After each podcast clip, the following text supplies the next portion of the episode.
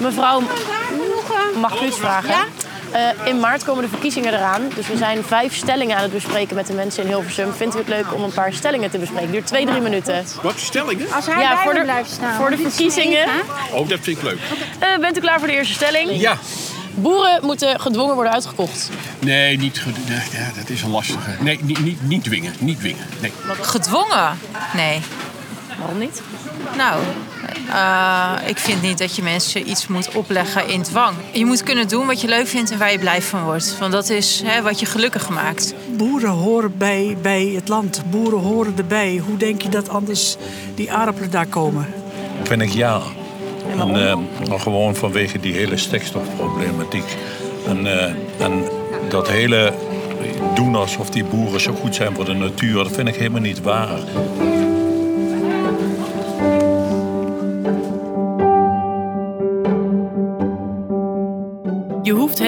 Maar aan te zetten en het gaat erover. Stikstof. Hoe het de natuur aantast, maar ook wat minder uitstoot betekent voor onder andere de boeren. Een oplossing voor het stikstofprobleem is er niet zomaar. Dat blijkt wel uit de beelden van boerenprotesten. Ligt de oplossing in de innovatie? Moeten boeren verhuizen naar plekken waar de stikstofuitstoot minder kwaad kan? Of moeten we overstappen op een laatste optie: gedwongen uitkoop? Herstellen en voorkomen van de schade die de stikstof in de natuur aanricht, daarover gaat de provincie. Op 15 maart zijn er weer provinciale statenverkiezingen. Het moment om jouw stem te laten horen en te bepalen wie de komende vier jaar de beslissingen nemen in het provinciehuis. Mijn naam is Eva Eickhout en je luistert naar de podcast Kies maar. In deze podcast gaan we op zoek naar het verhaal achter de stellingen uit de stemhulp, zodat jij aan het einde van de aflevering een weloverwogen keuze kan maken. Dit is aflevering 4 en daarmee stelling nummer 4. Boeren moeten gedwongen worden uitgekocht.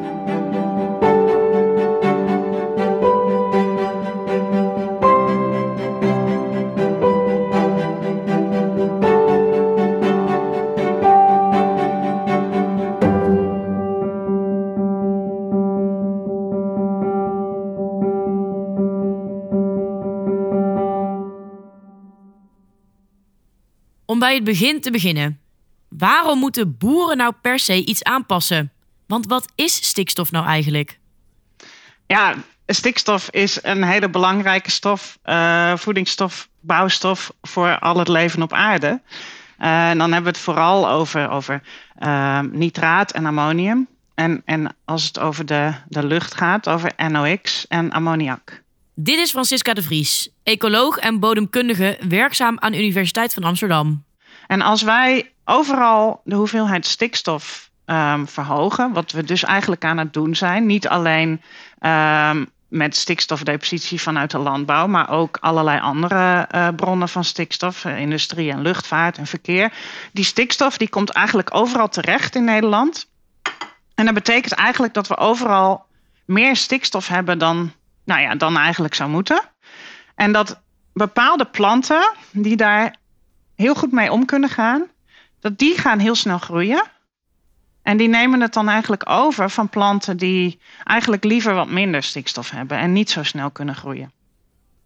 En nou ja, dan komen we eigenlijk uit bij het verhaaltje over de bramen en de brandnetels. Want dat zijn typisch van die planten, die kunnen heel snel groeien als er lekker veel stikstof is. En het zijn eh, planten die aangepast zijn op minder voedselrijke, stikstofrijke omstandigheden, die we dan dus kwijtraken. En dat zijn dan bijvoorbeeld orchideeën en heiden en dat soort planten. Die worden dan eigenlijk overschaduwd of weggeconcurreerd door die, door die snelgroeiende planten. En dat is een van de problemen. Dat je dus veranderingen ziet in, uh, in de vegetatie. En dat je overal een beetje dezelfde soorten krijgt. En dat die, die soorten die, die vrij zeldzaam zijn en die juist van die voedselarme omstandigheden houden, dat je die ziet verdwijnen. De diversiteit in de natuur neemt bij te veel stikstof dus af doordat sommige planten beter met stikstof omgaan dan andere. Maar waarom is dat een probleem? Nou, kijk, op korte termijn krijg je dan een verlies van soorten en een verlies van biodiversiteit. En met die soorten ook een verlies van andere soorten die daar dan weer afhankelijk van zijn. Wat minder planten en insectensoorten. Is dat dan zo erg? Uh, nou, kijk, jij kunt dat niet belangrijk vinden, maar uiteindelijk al die, al die verstoringen en al die uh, stoffen die uiteindelijk in de natuur terechtkomen als gevolg van menselijke, menselijke activiteit, niet alleen landbouw natuurlijk, maar ook andere activiteiten, dat is uiteindelijk belangrijk voor het functioneren van de wereld. En uiteindelijk ook direct belangrijk voor uh, het voortbestaan van, nou ja, van mensen zijn direct belangrijk voor de landbouw. Uh, ja, een, een, voorbeeld wat natuurlijk heel vaak aangehaald wordt, is als we een, uh, een teruggang zien in insecten, dan zien we ook een teruggang in bestuivers die bijvoorbeeld belangrijk zijn direct voor uh, bepaalde landbouwgewassen. Ja, dat is een voorbeeld waarbij biodiversiteit een directe waarde heeft voor de mens. Maar heel veel van die. Um, van die waarden die kennen we bijvoorbeeld nog niet eens. Met name in de bodem kennen we heel veel soorten nog niet. Uh, er is genetische diversiteit. Dus dat is eigenlijk een diversiteit aan bepaalde eigenschappen. In bijvoorbeeld planten die we nog niet helemaal kennen. Die we in de toekomst bijvoorbeeld kunnen gebruiken om uh, voedselgewassen beter bestand te laten zijn tegen bijvoorbeeld klimaatverandering. Zeg maar, we kunnen die, die diversiteit in de natuur kunnen we eigenlijk voor heel veel toepassingen gebruiken. Anders dan dat die diversiteit belangrijk is voor het functioneren van de natuur en van, van de hele wereld eigenlijk. Dus het is op heel veel niveaus uh, belangrijk.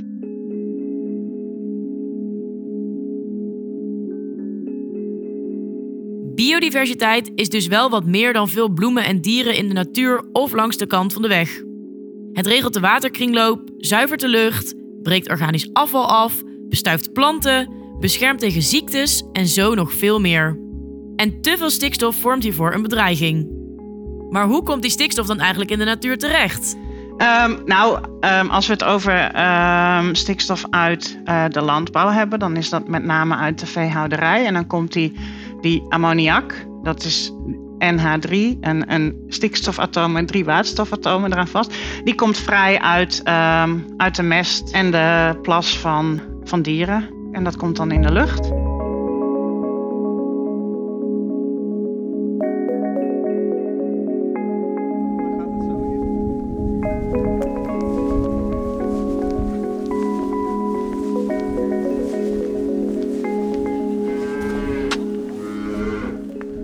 Dat is dus de theorie.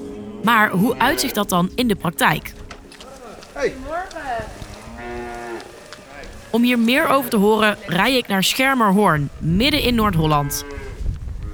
Hier parkeer ik op een boerenerf waar dag in dag uit wordt gewerkt in de melkveehouderij. Ja, het is, uh, vaak, uh, heel veel mensen noemen het werk, maar voor mij is het dan levenswijze. Uh, het voelt niet als werk. Als ik op zaterdagavond weg ben geweest, dan vragen veel vrienden wel eens van... Moet je, moet je nou morgenochtend melken? Nou, en dan is het, ja, ik, ik, ik moet ze wel melken, maar het voelt niet alsof het moet. Ja, dat vind ik prachtig. Ik heb er afgesproken met Remco Rotteveel. Een jonge boer die de komende jaren het familiebedrijf van zijn ouders wil gaan overnemen. Nou, we zijn hier in de Schermhoorn, in onze veldschuur bij de, bij de jonge kalfjes van drie tot zes maanden. En ik heb hier een melkveebedrijf uh, met mijn ouders en mijn broertje. Ik denk het antwoord al te weten, maar toch houd ik ook Remco de stelling voor zoals deze in de stemwijzer staat. Boeren moeten gedwongen uitgekocht worden. Ja, daar ben ik het natuurlijk mee oneens. En dat heeft meerdere redenen. Uh, ik denk dat iedereen wel begrijpt als je gedwongen wordt om je huis uit te gaan. Uh, zonder dat je daar een weerwoord tegen kan hebben. Dat, uh, daar, dat je er niet blij van wordt. Waarom zou je gedwongen uitkopen als het ook op vrijwillige basis kan? Uh, waarom zou je niet op zoek gaan naar uh, veehouders uh, die wel uitgekocht willen worden? Ehm, dus er zijn veel meer alternatieve oplossingen. Je kunt ook denken, en dat vind ik dat heel veel vergeten wordt, is de innovatie. Hè? Je kunt ook op de innovatie heel veel bereiken. en dat, die deur wordt een beetje dichtgegooid door, door politiek Den Haag. er is heel veel wantrouwen in de overheid. En dat jaag je alleen maar aan door verplicht dingen uh, op te gaan leggen. Op dit moment heeft Remco zelf al de nodige stappen ondernomen om duurzaam te boeren en stikstof terug te dringen. Zo verdunt hij de mest met water tijdens het bemesten van het land om de ammoniakuitstoot zo laag mogelijk te houden. Ook maakt hij sinds 2013 gebruik van zonnepanelen voor zijn bedrijf en is hij al jaren bezig met dierenwelzijn om daarmee de gemiddelde leeftijd van de koeien te verhogen en zo zijn veestapel duurzamer te maken. Maar volgens Remco staat de politiek te ver weg van deze dagelijkse praktijk met realistische doelstellingen, waardoor er in zijn ogen vreemde wetten en onnodige situaties ontstaan. Bijvoorbeeld de harde grens waarbij de ene boer wel en de andere boer niet weg moet, zonder rekening te houden met hun persoonlijke situatie. Uh, wij zitten hier toevallig binnen de grens van, uh, van 1 kilometer van, een, van het Natura 2000 gebied af. Dus wij zouden in aanmerking komen om uitgekocht te worden, dan wel gedwongen. Uh, maar ja, ik, ik heb een jong gezin en ik ben zelf 34 en mijn broertje is 26. Dus wij willen nog jaren vooruit. Ja dus, dus ja, wij, wij zien het niet zitten om, om ons bedrijf te staken. Maar um, goed, er zijn misschien uh, boeren hier uh, vlakbij. een man van, van in de 60 die, die geen kinderen hebben die, die er zin in hebben. Die, die zijn bedrijf aan het afbouwen is. Maar die valt buiten die, die duizend kilometer grens. Dus dan op papier mag hij niet uitgekocht worden. Omdat hij um, niet voldoet aan, aan de eisen.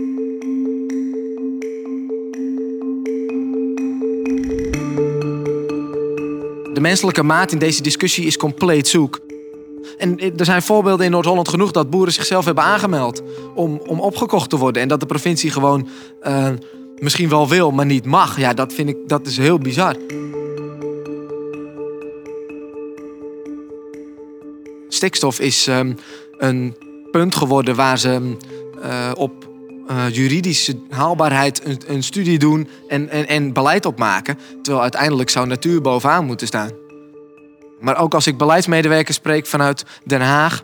Ik heb hier een rondleiding eh, ook gegeven aan, aan die mensen. En toen vroeg ik aan het eind van, goh, wat is je nou bijgebleven? En toen zei, die, zei, zei één iemand, zei, ja, voor mij was het altijd een papieren probleem. Maar nu zit er ineens een, een aan dat probleem blijkt een heel gezin en, en, een gezicht. En, en er, blijft, er zit een heel gevoel in, in, in, het verhaal. En, en dat is denk ik wat, wat heel erg mist. De menselijke maat. Het is een papieren probleem. Dat wordt ook vaak gezegd, een papieren probleem. Ja. Uh, juridisch hebben we gewoon een probleem. Omdat iedere, iedere wet wordt aangevochten. En, de, en er wordt ook gewonnen. En soms ook terecht. Maar dat betekent niet...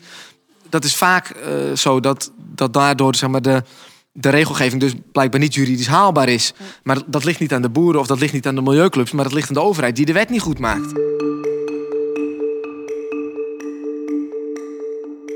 Ja, nou dat is eh, best wel een um, interessante en ook wel een moeilijke discussie waarin eigenlijk ook echt wel twee kampen zijn die zich enorm ingraven en die zitten ook best wel vast in hun frames. Francisca de Vries zoekt de oplossing van het stikstofprobleem in de verduurzaming van de voedselindustrie. Daarin ziet zij dus twee kampen. Je hebt mensen die vinden dat innovaties de oplossing moeten bieden en tijd en ruimte moeten krijgen. En je hebt mensen die vinden dat er vooral nu iets moet veranderen en dat de overheid hier een sturende rol in moet hebben. Aan de ene kant heb je eigenlijk de stroming die vindt dat er wereld gevoed moet worden en dat verduurzaming uit technologische innovatie moet komen. En dat de markt er eigenlijk voor moet zorgen dat we duurzamer gaan produceren. En als wij het niet doen, dan gebeurt het ergens anders wel. En aan de andere kant heb je eigenlijk meer de agro-ecologie. En uh, alles moet anders en het moet gereguleerd worden. En onze diëten moeten veranderen. En we moeten terug naar de natuur. En uiteindelijk denk ik dat, dat we het allebei moeten doen. Uiteindelijk denk ik dat we eigenlijk gewoon alles moeten aangrijpen om ons voedselsysteem duurzamer te maken. En ik denk ook dat ontwikkelingen die we nu zien, zoals de oorlog en klimaatverandering, dat die hopelijk bepaalde aspecten van, van beide benaderingen gaan versnellen, omdat mensen zien dat er echt iets moet veranderen. Francisca heeft het idee dat boeren op dit moment erg hard geraakt worden door het beleid. Hoe zit het bijvoorbeeld met de stikstofuitstoot van de industrie? Het gaat de hele tijd om de tegenstelling boeren en natuur. En intussen zit de industrie zich in zijn handjes te knijpen. Ik zou toch zelf wel graag zien dat die nadruk ook iets, uh, iets meer op de industrie komt te liggen. En ik denk ook echt wel, kijk, je hebt natuurlijk wat uh, tegendraadse stemmen. Of nou ja, wat, waarschijnlijk best wel wat tegendraadse stemmen in, in de landbouwkamp. Maar er zijn echt heel erg veel boeren en organisaties die echt wel inzien dat er iets, iets moet veranderen. En die ook heel hard bezig zijn daarmee.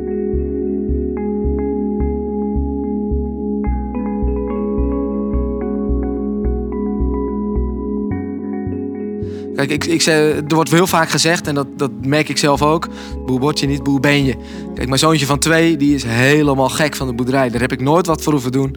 Die komt zijn bed uit en het eerste wat hij roept is trekker, trekker, trekker. Koe, koe, koe. En hij moet mee en hij wil voeren en hij vindt beesten allemaal fantastisch. Dat heb ik niet geleerd. Dat, dat zit in zijn genen. Dat, Ja. dat wil hij graag doen. En dat is prachtig om te zien. Maar wat doet mij dat als vader? Ja, ik weet niet of ik hem de kans kan geven zoals ik de kans van mijn ouders heb gekregen. En dat baart me heel veel zorgen. Dat, dat zorgt er ook voor dat ik hier dus weer een, eh, over sta te praten. Omdat ik toch denk, eh, we moeten er wat voor kunnen doen. Want uiteindelijk, voedselproductie zal er toch altijd moeten zijn. Een veelgehoorde reactie op straat is dat het merendeel van het voedsel dat Nederlandse boeren produceren wordt geëxporteerd naar het buitenland. Is die intensieve landbouw en veehouderij dan wel nodig in ons eigen land?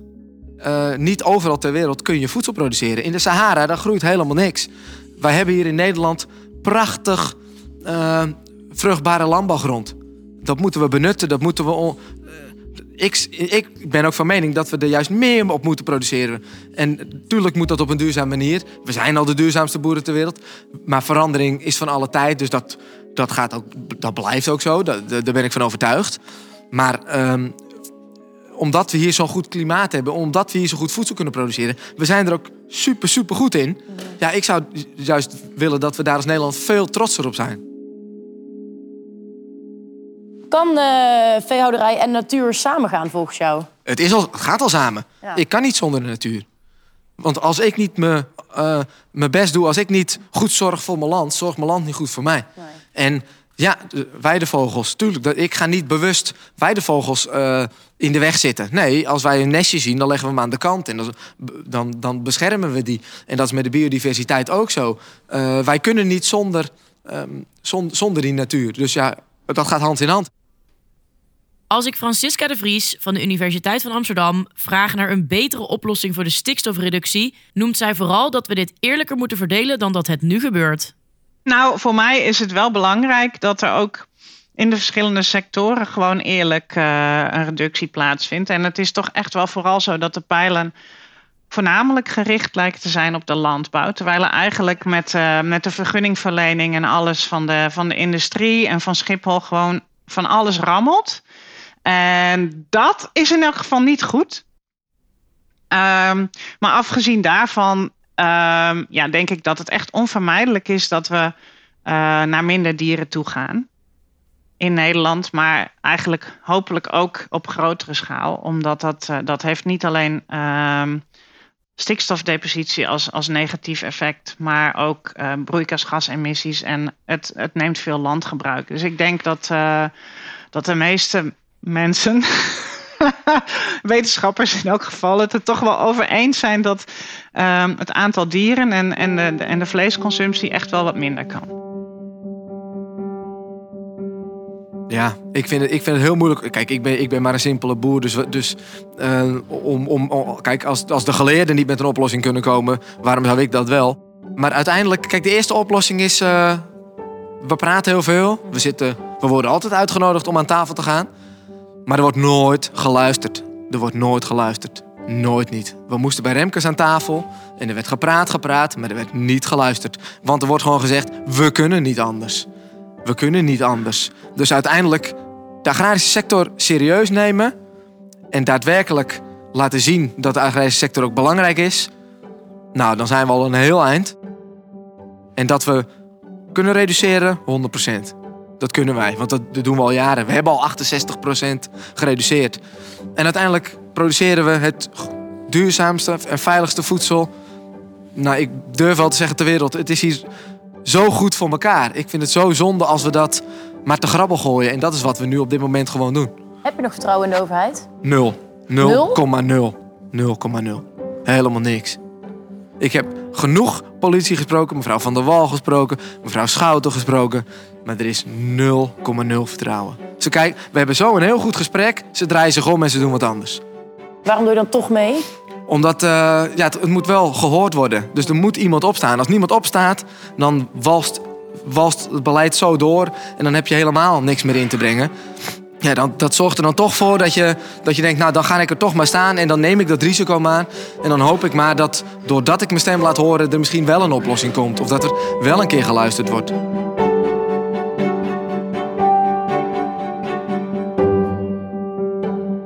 Op 15 maart is het aan jou. Kies maar wie jouw mening de komende vier jaar moet vertegenwoordigen in de provincie. Ben je er nog niet helemaal uit welke partij dat moet zijn? Vul dan jouw antwoord op deze en nog 23 andere stellingen in op noord-holland.mijnstem.nl.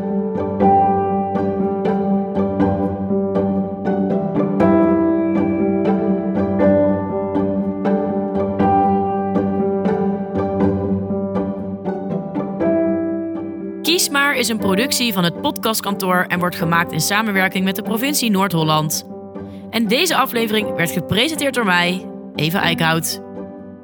Wil je meer verhalen achter de stellingen horen? Abonneer je dan gratis op dit kanaal op Spotify of via de gebruikelijke plek waar jij je podcast beluistert. Laat daar vooral ook even een review achter, zodat we beter vindbaar worden voor nieuwe luisteraars.